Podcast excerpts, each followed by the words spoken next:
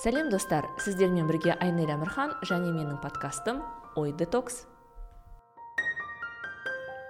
Білемін достар сіздер бұл тақырыптан барлықтарыңыз мезі болып шаршап та кеткен шығарсыздар десек те мен бүгін 11 бірінші эпизодта өздеріңізбен коронавирус жайлы сөйлесуді жөн көріп отырмын.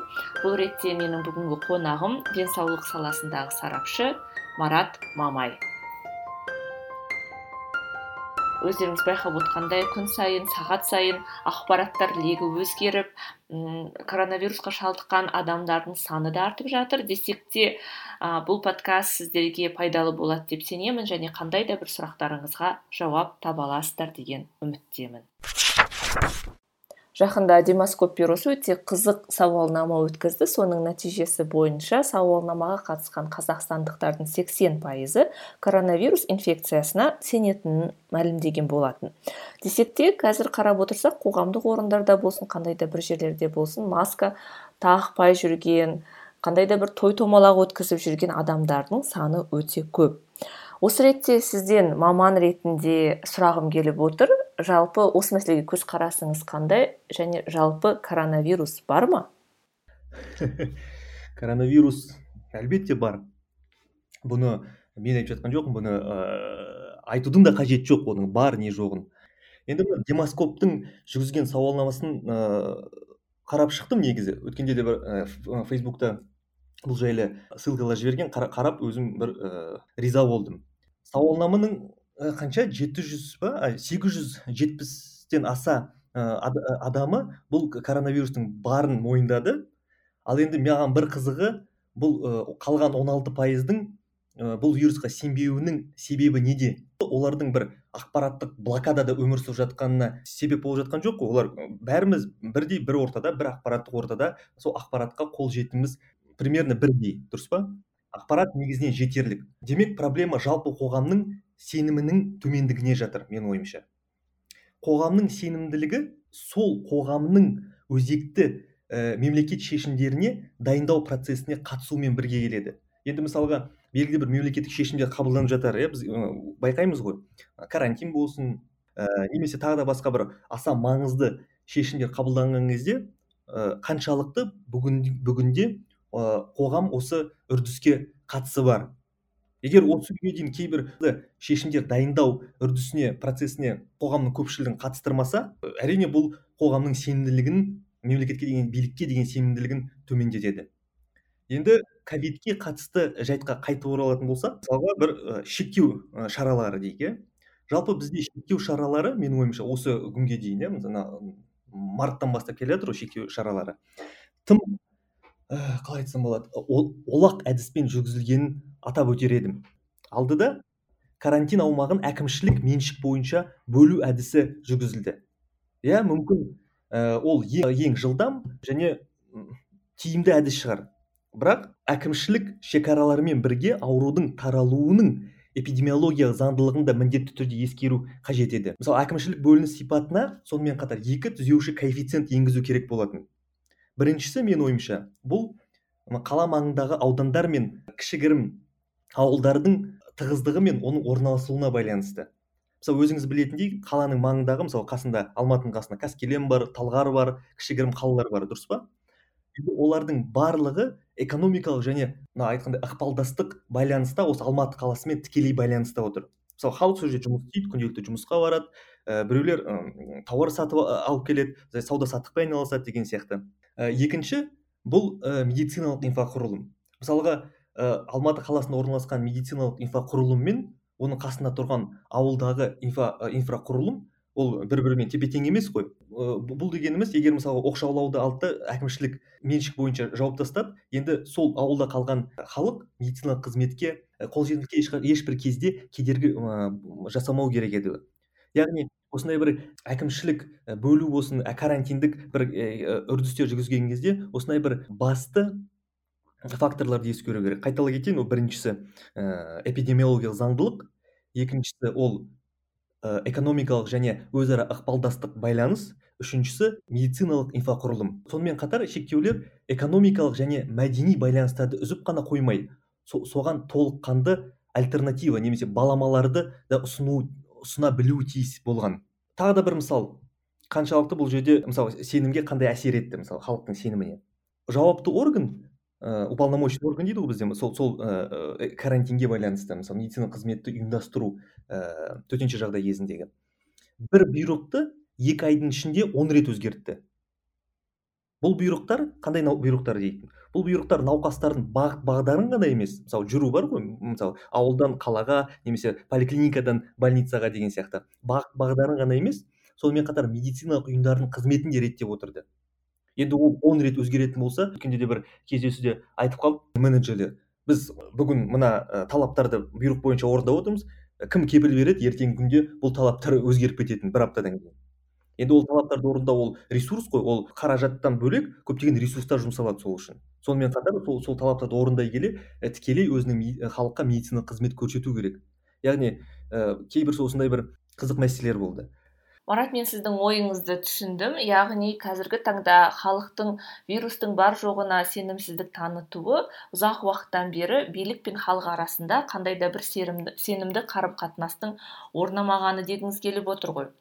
Бірақ білесіз ба соңғы уақытта мен ә, көп естіп жүрмін медицина қызметкерлерінің арасында да осы вирусқа сенбейтіндер бар екен. Ә, біздің мысалы елде 75 мың дәрігер бар. Ә, жүз елу мың ә, орта дәрежедегі медицина қызметкерлері бар.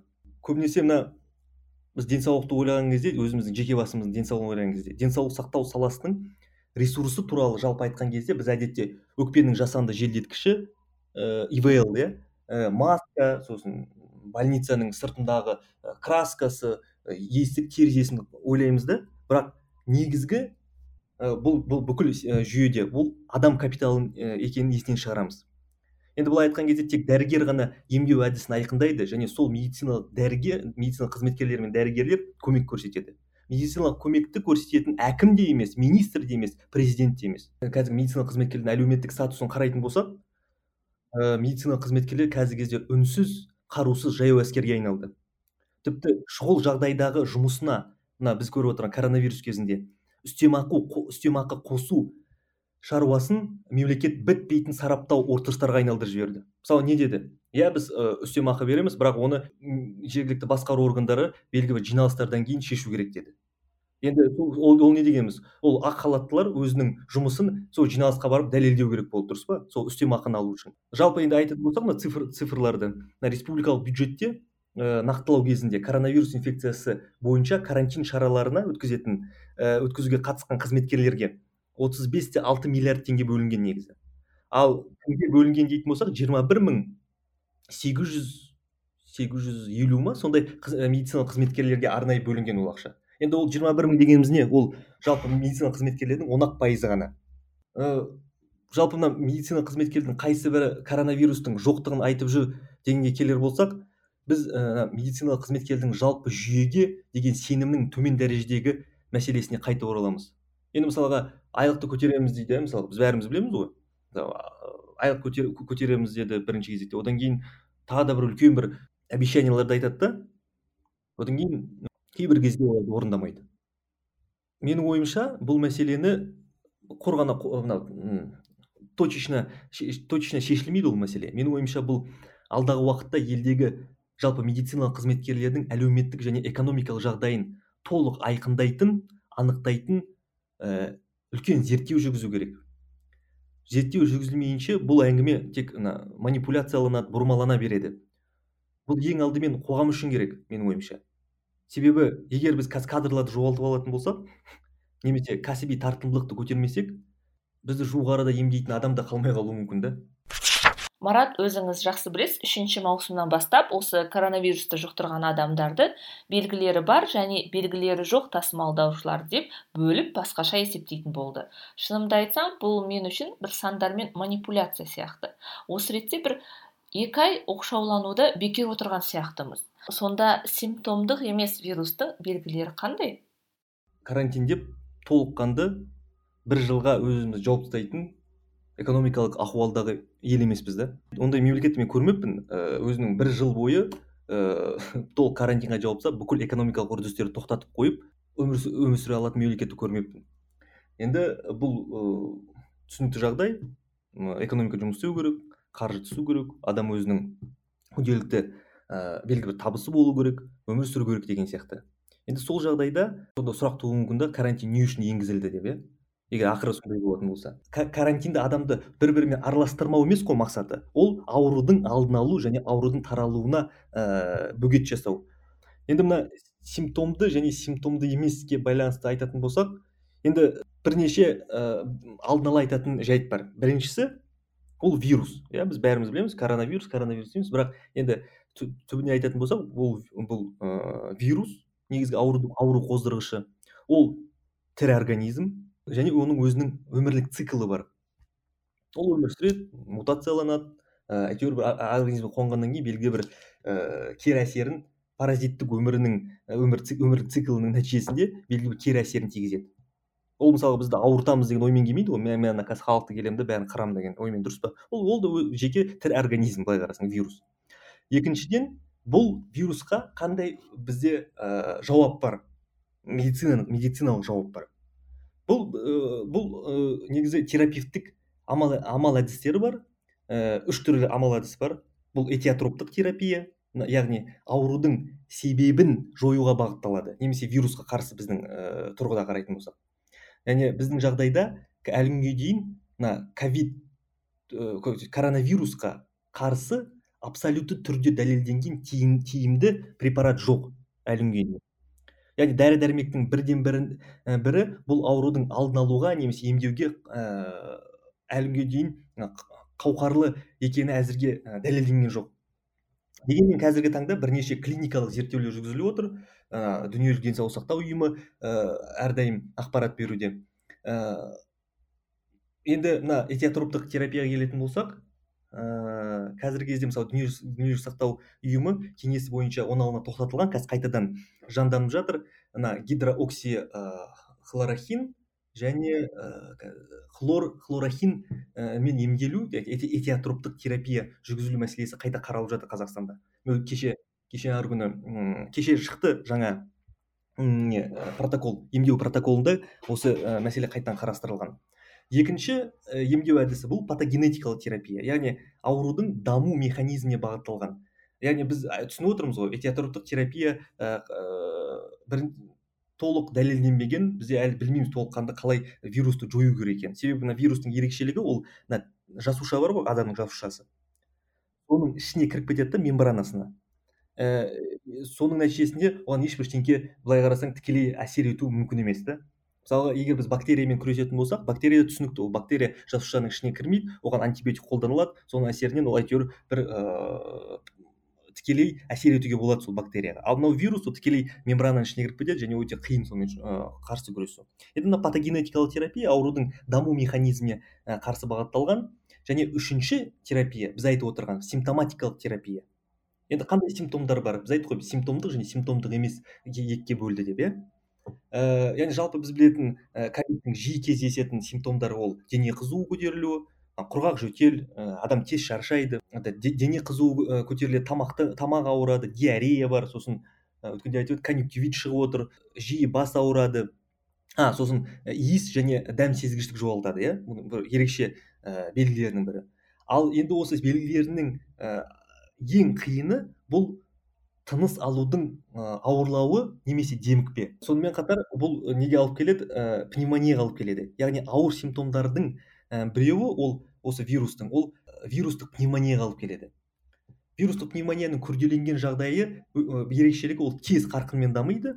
Және мына көбінесе пациенттер 24 сағаттың ішінде демнің жетіспеуі жиілей түседі. Мына острая дыхательная недостаточность немесе мына бар өкпе демікпесі пайда болады да соның әсерінен ә, түрлі механикалық желдету арқылы мына ивл дейді ә, немесе дереу респираторды қолдану талап етіледі. Ә, бұл, бұл енді не үшін айтып отырмын? жалпы біз негізі түсінік болу үшін да себебі мына ковидтің ковид ковидпен күресуде біз симптомдармен күресіп отырмыз. Яғни медицина ковидтің өзімен емес оның симптомдарымен күресіп отыр. Енді мына соңғы деректерге қарайтын болсақ жалпы аурулардың сексен пайызы ана ауруды жеңіл ә, жеңіл түрде өткізеді. Яғни симптомдары мысалға жеңіл өтеді да мысалы толық мына пневмонияға ауысып кетпейді. Мысалға ә, қалай айтсам болады енді былай айтқан кезде мысалы жүз адам ауырса оның сексен сексен пайызы мына жеңіл симптомдармен өтеді де қалған жиырма адамы мүмкін мына қиын жағдайда қиын жағдайға ұшырауы мүмкін ол мына пневмонияға ұласып кетуі мүмкін. Пневмониядан кейін мысалға мына өкпенің демалуына кедергі болуы мүмкін. Сонымен қатар там әртүрлі қиын қайғы жағдайлар болуы мүмкін содан. Негізгі өлімшілдік мына ковид кезіндегі соның әсерінен болады. Яғни демалудың қиындалуына туындайтын әртүрлі үрдістер. Қазіргі жағдайға қарайтын болсақ ә, симптомсыздар иә не, не ол мысалы біз айттық қой біз, түсінгеніміз ең басты қауіпті симптом ә, симптом, енді ә, ол пневмонияға ұласып кететін жағдай. Енді оны ә, егер дер кезінде үй жағдайында жатқан ауруларды тауып мына оны қайтадан біз айтып кеттік қой ә, поликлиникада қызметкерлерге жүктеліп отыр осы міндет. Олар дер кезінде тауып соларды дер кезінде ә, стационарға ә, больницаға жатқызатын болса онда ә, бұл дұрыс реакция деп ойлаймын. Енді жалпы енді негізі симптом жайлы айтатын болсақ ә, не деген ол симптомсыз жағдай? Симптомсыз жағдай туралы ә, бұл айтатын болсақ бұл аурудың клиникалық белгілерін бағалау тиімділігінің мәселесі. Яғни біз белгілі бір симптом бар жоғын біз қалай анықтаймыз? Және бұл симптомның қаншалықты адамның өміріне зиян қауіпті екенін кім бағалайды және қалай бағалайды? егер дәрігер болатын болса дәрігер өзі ғана белгілі бір құрал жабдықтармен бағалайды ғой. Енді сол құрал жабдықтар бар ма жоқ па деген мәселе да мысалы қазір неге қарайтын болсақ протоколдарға қарайтын болсақ ең тиімді пневмонияның бар қаншалықты даму үрдісі қалай ол өкпені өкпеде дамып жатқанын көрсететін ол кт томографиясы. Дұрыс қой. Енді біз халық егер сол кт ға қолжетімділігі тол, ана, мемлекет тарапынан толық қамтамасыз етілсе онда бұл ә, мәселені ә, бұл соғыста ә, жеңуіміз жеңуіміз ә, шанс көтеріледі деген бұндай ойдамын. Марат білесіз бе осы орайда мен тағы бір қызықтыратын мәселе симптомсыз белгілер симптомды белгілерге ауысып кету қаупі бар ма жалпы? Және мысалы сен қазір ешқандай симптомың жоқ ә, вирусты жеңіл желпі өткізіп жатсың десек те сенің кезінде пневмониямен ауырған немесе өкпең ауырған кездер болды. Сен қауіп аймағындағы тұлғаға жатасың ба? Кез келген жағдайда.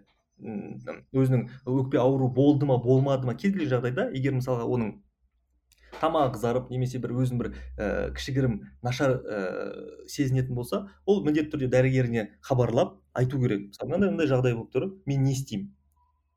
Енді дәрігер оған ә, идеалды жағдайда дәрігер айту керек. Осындай осындай қараймыз. Белгілі өзінің тактикасы бар. Ә, сосын осы ә, аурудың мысалы өзінің состояниясына байланысты мысалы лабораторлық ә, тестілеуді ә, тестілеуге шақыруы мүмкін. Немесе ары қарай белгілі бір медициналық зерттеу ә, үрдістерін жүргізу, жүргізу керек деп ойлаймын. Ә, бір дәрігер ә, поликлиникада мың жарым адамға қарау керек. Енді әркім өзінің дәрігерін ә, сіз білесіз бе өзіңіздің дәрігеріңізді? Айнель? Мен шынымды айтсам білмейді екенмін. Вот вот осыдан бастау керек негізі. Әркім өзінің дәрігерін білсе онымен мысалға номері болсын әйтеуір бір қарым қатынаста болу керек. Кім екенін білу керек бірінші кезекте одан кейін қалай онымен қарым қатынаста болу керек. Енді белгілі бір жағдайлар мысалы сіз айтып өткен белгілі бір бас ауру әлсіздік тамақ қызару деген бір жағдайлар болатын болса оған хабарласу керек айту керек. Осындай осындай жағдай не істеймін деген сияқты. Енді соған байланысты дәрігер белгілі бір өзінің тактикасын қолдану керек. Ары қарай маршрутизация пациента дейді ары қарай не істеу керек екенін оларда протоколда жазылған. Бірақ енді біз көріп отырмыз кейбір кезде дәрігерлерге хабарласады. Сізде мына фейсбукта оқып жатқан шығарсыз фейсбук болсын әлеуметтік желілерде хабарласады. Дәрігерлерден толық жауап жоқ деген сияқты. Енді ол тікелей менеджерлердің жауапкершілігіне жатқан мәселе деп ойлаймын. Бүгінгі таңда елімізде симптомы болсын симптомсыз болсын коронавирус жұқтырған адамдардың саны 20 мыңнан асты солардың 12 пайызы медицина саласының қызметкерлері. Осы ретте өзіңізден сұрамай кете алмаймын. Жалпы сорос қазақстан қорының қолдауымен сіздер медицина қызметкерлерін жеке қорғану заттарымен қамтамасыз ету жобасын жүзеге асырған болатынсыз осы жайлы кішкене айтып берсеңіз. Иә сорос қазақстан қоры ә, біздің бастамамызға уақытылы қолдау білдірді. Бұған ә, біз ғана емес жалпы медицина ә, медицина қызметкерлер қауымы үлкен алғысын білдіріп отыр. Ә, бүгін медициналық қызметкерлер ковид коронавирусты жұқтыру қаупінің алдыңғы легінде жүр. Негізі былай айтатын болсақ. Ә, жалпы мемлекеттік сектор болсын жеке сектор болсын оның ішінде ә, көп жағдайда мемлекеттік сектор жеке қорғаныс құралдарымен қамтамасыз ету көмегіне әлі де мұқтаж. Бұл менің жеке ойым. Ә, бұл бұл дегеніміз ауылда да қалада да еңбек ететін медицина қызметкерлерімен жеке ә, сөйлесу кезінде расталып жатады. Себебі мен енді жалпы медицинада он, он жылдан аса қызмет істегеннен кейін араласасың сөйлесесің қалай болып отыр жағдай. Мысалы көп жағдайда ыыы официалды түрде айта алмаса да ә, жеке ә, сөйлесу кезінде айта алады. Осындай жоқ дейді. Расында жоқ дейді не істеймін дейді. Мәке мен мысалы ә, кейбір басқарушы менеджерлер бар ә, главврачтар бар ә, не істейміз. Жоқ мен, мен басқа не істеймін дейді. Жоқ менде просто жоқ и все дейді. Мысалы біз сол ыыы қажеттілікті мына жоба жоба аясында ә, талдау ә, талдау жүргіздік. Сол талдаудың нәтижесінде белгілі бір методиканы амал әдісті ойлап таптық. Ә, біздің жалпы бағалауымыз бойынша бүкіл медицина қызметкерлерді жеке қорғаныс құралдарымен қамтамасыз ету үшін ә, үш айдың көлемінде 72 миллиард теңге керек. Бұл кішігірім ақша емес үлкен ақша. Біз жалпы медициналық бюджетті мына гобмп дейді ғой гарантированный объем бесплатной медицинской помощи. Соның есесіне біз э, мына бюджеттің қайта қарау нәтижесінде 88 миллиард теңгеге көтерді бюджетті. Бірақ бұл тек қана жеке құралдарға емес жалпы көтерді оны. Енді э, жетпіс екі миллиард теңге дегеніміз бұл жиырмасыншы жылдың денсаулық сақтау бюджетінің төртте бес пайызы. Сонымен айтып кететін болсақ мысалға жеке қорғану құралдары ә, мәселесі бас ә, приоритет бойынша өте маңызды. Өйткені ә, инфекцияның таралу жолында басты кедергілердің бірі ол медициналық қызметкерлер. Ә, оның олардың жұмыс қабілеттілігінің сақталуында. Егер мысалы ә, дәрігерлер ауырып жатса біз көріп отырмыз мысалы мынау алматыдағы орталық больница болсын көп қазір мысалы біз ә, аса бір үлкен бір зерттеудің де қажеті жоқ. Әлеуметтік желілерге кіріп қарайтын болсаңыз өте көп медициналық қызметкерлер әлі күнге дейін ауырып жатыр. Ол не үшін ауырып жатыр? Элементарно өйткені ә, толыққанды жеке қорғану құралдарымен қамтамасыз етілмеді. Енді біз кішігірім методика жайлы айтып кететін болсақ бұл көп салалы көп факторлы методика. Бұның негізінде біз мына әр адамға ә, жеке басына ә, қаншалықты қаражат бөлінеді денсаулық сақтауға. Ә, соның есесіне біз қарайтын болсақ мысалға жалпы ақпарат үшін алматы облысында бір адамға қырық тоғыз мың теңге бөлінсе елу мың төңірегінде. А нұр сұлтан қаласында жүз алпыс мың теңге бөлінеді. Бұл деген үлкен айырмашылық негізінде. Содан кейін егер біз инфекцияның таралу жолында үлкен бір фактор болып саналатын бұл ыыы қалай айтсам болады артерия транспортный артериялар немесе жолдар бар ғой үлкен. Мысалы жолдардың ілегімен өте көп адамдар қозғалады транспорт жүреді ә, деген сияқты. Соның айнала қарамағында көптеген кішігірім ауылдар ә, кішігірім район орталықтары бар. Енді біз райондарға хабарласып сұрасақ тіпті енді жеке құрал жеке қорғану құралдарын егер қалаларға әрлі берлі ә, жеткізетін болса мемлекет есесінен иә ауылдарда мүлде жоқ ондай нәрсе. Ә, сол үшін мысалға бірінші кезекте біз осы жеке қорғану құралдарымен қамтамасыз еткен кезде осы бірінші ауыл ауылды аймақтарда ә, үлкен ірі трассалардың бойындағы ауыл ауылдай ә, райондарға осыны қамтамасыз етуге тырыстық. Ә, жалпы сомасы ә, 20 миллионнан асатын ә, облыстық және аудандық ауруханаларды қамтамасыз еттік. Мына сорос қазақстанның көмегімен толық қаржыландыруымен және қазақстанның паллиативті көмек қауымдастығының қатысуымен алматы қаласы және алматы облысындағы онкологиялық және паллиативті стационарларға осындай жеке қорғану құралдары жолданды. Марат осы пандемия басталғалы бері дабыл қағып кіші аудандардағы медицина мекемелерін қажет жеке қорғану заттарымен қамтамасыз ету жобасы аясында жұмыс істеп жатсыз жалпы жағдай меніңше бізге қарағанда сізге көбірек мәлім сияқты. Жалпы вирустың ағымдағы таралу жиілігі сақталған жағдайда біздің ауруханалар осыншама адамдар легін қабылдауға дайын ба? Қазірдің өзінде ауруханалардың 90-95 пайызы толық адамдарды қабылдамай жатыр деген ақпараттар толып жатыр. Бірнеше объективті фактор бар. Біріншісі ол эпидемиологиялық ахуал. Сіз өзіңіз айтып кеттіңіз ол қазіргі кезде оптимистік болжам жоқ. Жұқтырғандардың саны күннен күнге өсіп келе жатыр. Күніне орта есеппен мың адам иә?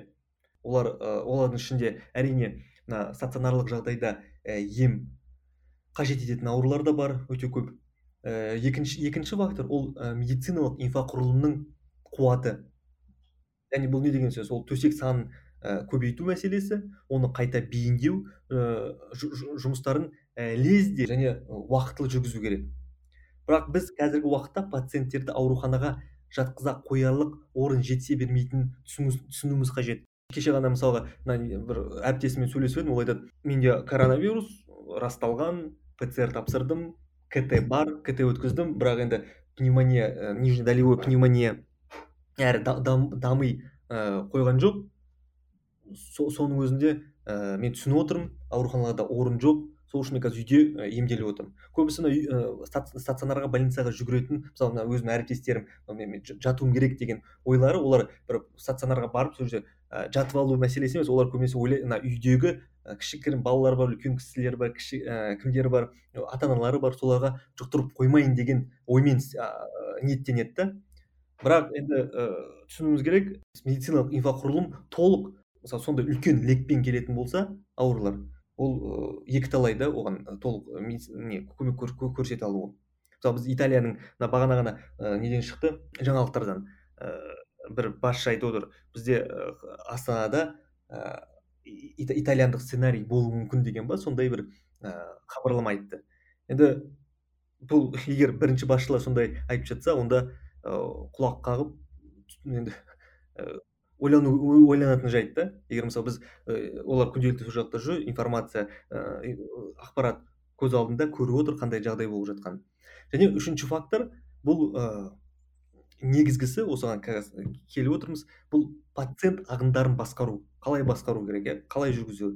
Дәл осы жерде ә, менің ойымша өте жедел әрекет ету керек. Яғни күрделі және ауыр көтеретін ә, осы ауруды көтеретін пациенттерді лезде анықтап жағдайының ауырлығына байланысты ауруханаларға жатқызу керек. Мына приоритизация механизмдері өте ә, лезде жұмыс істеу керек. Алайда жоғарыда айтып өткеніміздей симптомсыз пациенттерді емхана ә, бақылайды ары қарай менің ойымша. Ал ковид кезіндегі жағдайдың ауырлығы өкпенің жағдайына немесе өкпенің зақымдану дәрежесіне байланысты естен шығармау керек? Халыққа айтарым деймін да.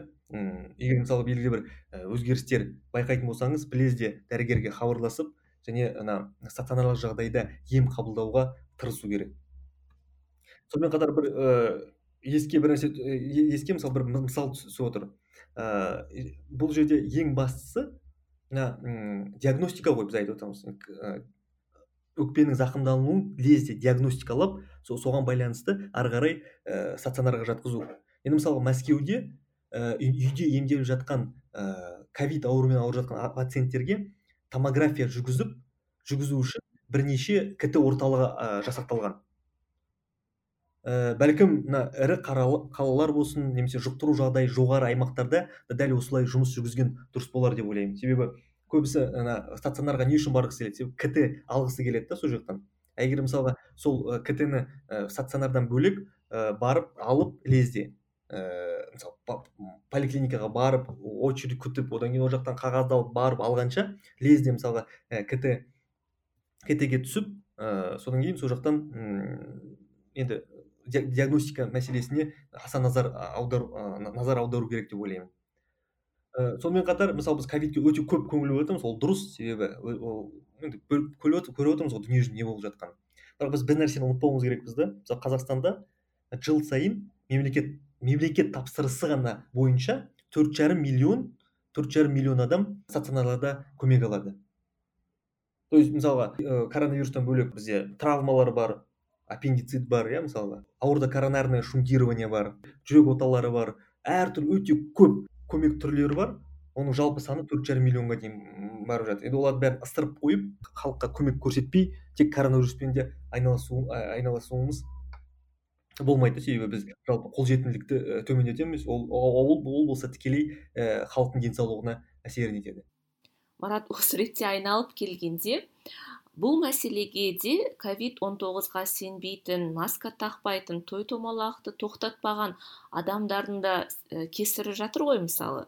Себебі миллиондаған мыңдаған подписчигі бар адамдардың өзі осы вирусқа сенбейтінін ашық айтып өзгелерді сендіруге тырысады. Жалпы олармен қалай күресуге болады? Абай таппаған жұмбақтың жауабын мен табам деп ойлай алмаймын. Абай сонша жыл бойы халықтың физиологиясын оның социологиясын зерттеп халықты сондай бір жақсы жолға қоюға тырысқан бәріміз білеміз ғой абай атамыз бірақ бұған бір жүз проценттік шешім бар деп ойлай алмаймын мен. Себебі әрдайым қоғамда сондай девианттар болады. Сол девианттар бола тұра солармен өмір сүру өмір сүре сүретінімізді сто процентно да ол жүз процент сондай адамдар болады. Олармен біз өмір сүреміз. Олармен былай қарасаң күресудің қажеті жоқ. Себебі олармен күрескеннен ә, күшің де кетеді сөзің де зая кетеді. Қазақта бір әдемі айтылған бір мақал бар. Ә, есек, есекті отқа айдасаң боққа қашады дей ма қалай айтады керісінше есекті боққа айдасаң отқа қашады дей ма сондай? Әр адам жеке адам қоғам емес 18 миллион халық та емес әр әр адам. Тыңдап отыр мен тыңдап отырған адам болсын сізді тыңдап отырған адам болсын сіздің танысыңыз болсын. Бәрі әркім әр адам мына жауапкершіліктің не екенін түсіну керек та. Әркім өзін мысалы біз жауапкершілік жауапкершілік деп айтамыз. Бірақ әр адам кез келген адамды сұрасақ сол жауапкершілік не екенін әркім әрқалай жауап береді. Бұл не дегеніміз? Бұл жауапкершілік деген сөздің артында үлкен еңбек таным жатыр екенін біз түсінуіміз керек. Және біз әрдайым сол жауапкершілік не екеніне және әрі қарай оны дамытуымызда күнделікті ә, еңбек істеуіміз керекпіз. Бұл жауапкершілік тек қана мына ковидке ғана байланысты емес қой. Ә, даладағы мусор тастаудан басталады элементарно. Ә, күнделікті өміріміз күнделікті қарым қатынасымыз баламен болсын үйдегі отбасы мүшелерімен болсын жұмыстағы әріптестермен болсын сол қарым қатынастың негізінде ә, жауапкершілік жатыр.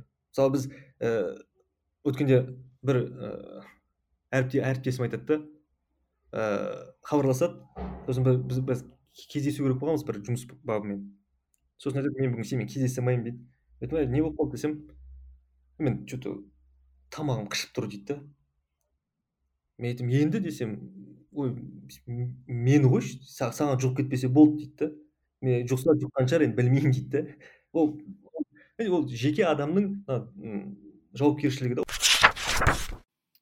Менің тыңдармандарыма не тілейсіз енді тыңдаушыларға және өзіме тілерім бұл әрдайым әрдайым ә, дайын және сақадай сай болу керек та кез келген жағдайға. Дүрбелеңге берілудің қажеті жоқ. Және сіз айтып кеткен бағана талқылаған жауапкершілікті сезінген абзал. Ал енді жауапкершілік түсінігін де әрдайым дамытқан дұрыс. Ешкім де мінсіз емес. Бізді айнал, біздің қоршаған айналамыздағы құрылған жүйелер болсын мемлекеттік жүйелер болсын кез келген жүйелер де мінсіз емес. Соны әрдайым естен шығармау керек. Және ә, осындай бір көзқараспен мына болып жатқан ковидке байланысты үрдіске қарау керек қарау деп ә, тілеймін тыңдармандарға. А маска тағуды ұмытпаңыздар. марат менің подкастым ой детокс деп аталады. Бұл қандай да бір ақпарат ағымында ой сана тазалығын сақтау және ә, өзім өмір сүретін ақпараттық вакуумнан кішкене арылып өзге тақырыптар аясында ойлану. Осы ретте сіз үшін ой детокс дегеніміз не?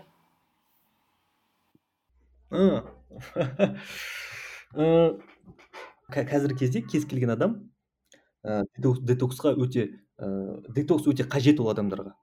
Себебі ақпарат өте көп. Мына таң таң атқаннан тұрғаннан бастап ана ұйқыны ілінгенге дейін әйтеуір бір ақпарат келіп жатады. Және сол ақпараттармен ақпараттың мысалы негативті түрі бар позитивті түрі бар ыыы бұл мәнді емес. Менің ойымша ең бастысы сол ақпараттар ә, поток дейді ғой легі ақпараттың легі. Әрқашанда адамның алға қойған мақсаттарына жетуге ешқашан зиян келтірмеу керек. Мен мысалға бұл бұл мәселеде қалай шештім өзіме? Менде м күнделікті график бар. Жеке ә, жеке мысалы әр әр жарты сағат бойынша менде жазылған. Ыыы мысалы мен мынандай істеймін андай істеймін андай істеймін андай істеймін деген сияқты сол сол графиктің ішінде мен күнімді ыыы ғылыми ыыы ғылыми әдебиетті оқудан бастауды жақсы көремін негізі. Мен идеал идеалды таңым солай басталады. Тұрдым мысалы ә, жұмысқа кірістім ба сағат сегізге таман бірінші жарты сағат сол сондай бір ғылыми әдебиеттерді оқимын. Неге неге ғылыми әдебиеттер? Себебі ол жерде ә, себебі ол ғылым. Себебі ол жерде ә, дұрыс нәрсе жазылған деп сенемін енді. Ә, оқисың яғни ми оянды ол тек жұмысқа енді жұмысқа кірісті ә, и оған мына сапалы ақпарат түсті миға. Дұрыс па? Енді ми күні бойы кешке дейін сол ақпараттың төңірегіндегі ақпаратты синтездейді да керек емес ақпараттардың бәрін кіргізбейді миға. А енді детоксқа келетін болсақ бәріміз ұйықтауды жақсы көреміз ғой. Түстен кейін жарты сағат ұйықтау это вообще прям рахат нәрсе? Егер жарты сағат ұйықтап алсаңыз ми тынығады. Демалады. Ары қарай ыыы перезагрузка дейді. Ми дұрыс жұмыс істейді содан кейін ең жақсы көретінім менің аптасына үш рет ә, боксқа барамын тренировкаға. Өзі ана бокстың ерекшелігі тренировкада өте қарқынды жүреді да тренировка. Бірінен соң бірі тоқтамай өте өте мына физикалық нагрузка өте жоғары болады да. И соның соның есесінен мен мына бір жарым сағат болады ғой. Бір жарым сағат бойы мына тренировка қашан бітеді деген оймен ғана жүремін да. Басқа ештеңе ойламаймын. Себебі басқа нәрсені ойлайтын болсаң удар өткіземін немесе там құлап қаламын шаршаймын в общем не до этого. Сол үшін бір жарым сағат детокс страшнейший детокс миың демалады өте қатты демалады ештеңке ойламайсың шығасың суыңды ішесің содан кейін ақырындап қайтадан келеді өзі информация қалай не там жұмыс анау мынау деген сияқты. Мен өзім айтамын ә, әлеуметтік желідегі гигиенаны сақтау керек та. Себебі егер оны сақтанбаса әртүрлі психологиялық ауруларға ұшырауы мүмкін да адам. Осымен достар ой детокстың 11 бірінші эпизоды тамам. Біздің сұрақтарымызға жалпы жауап берген марат мырзаға үлкен алғысым шексіз. Сіздер де өз сұрақтарыңызға жауаптар таптыңыздар деп ойлаймын. Егер де қандай да бір сұрақтарыңыз болса ә, жалпы әлеуметтік желілерде телеграм каналында ә, көптеген шынайы ресми ақпаратты беретін парақшалар бар соларға міндетті түрде жазылыңыздар. Өтінемін ватсаптан ә, түрлі мессенджерлер арқылы келетін жалған ақпаратқа. Сенбеңіздер бәріне сыни көзбен қарауға үйреніңіздер. Және әрине енді айналамызда өмір болғаннан кейін вирусқа сенетіндер бар сенбейтіндер бар десек те бір біріміздің алдымыздағы жауапкершілікті ұмытпайық ата анамызды қорғайық балаларымызды қорғайық қарапайым қорғану шарттарын ұстанайық және басымыз аман болса әлі талай талай үлкен жиындарда үлкен тойларда бір бірімізбен қауышамыз деген сенімдемін.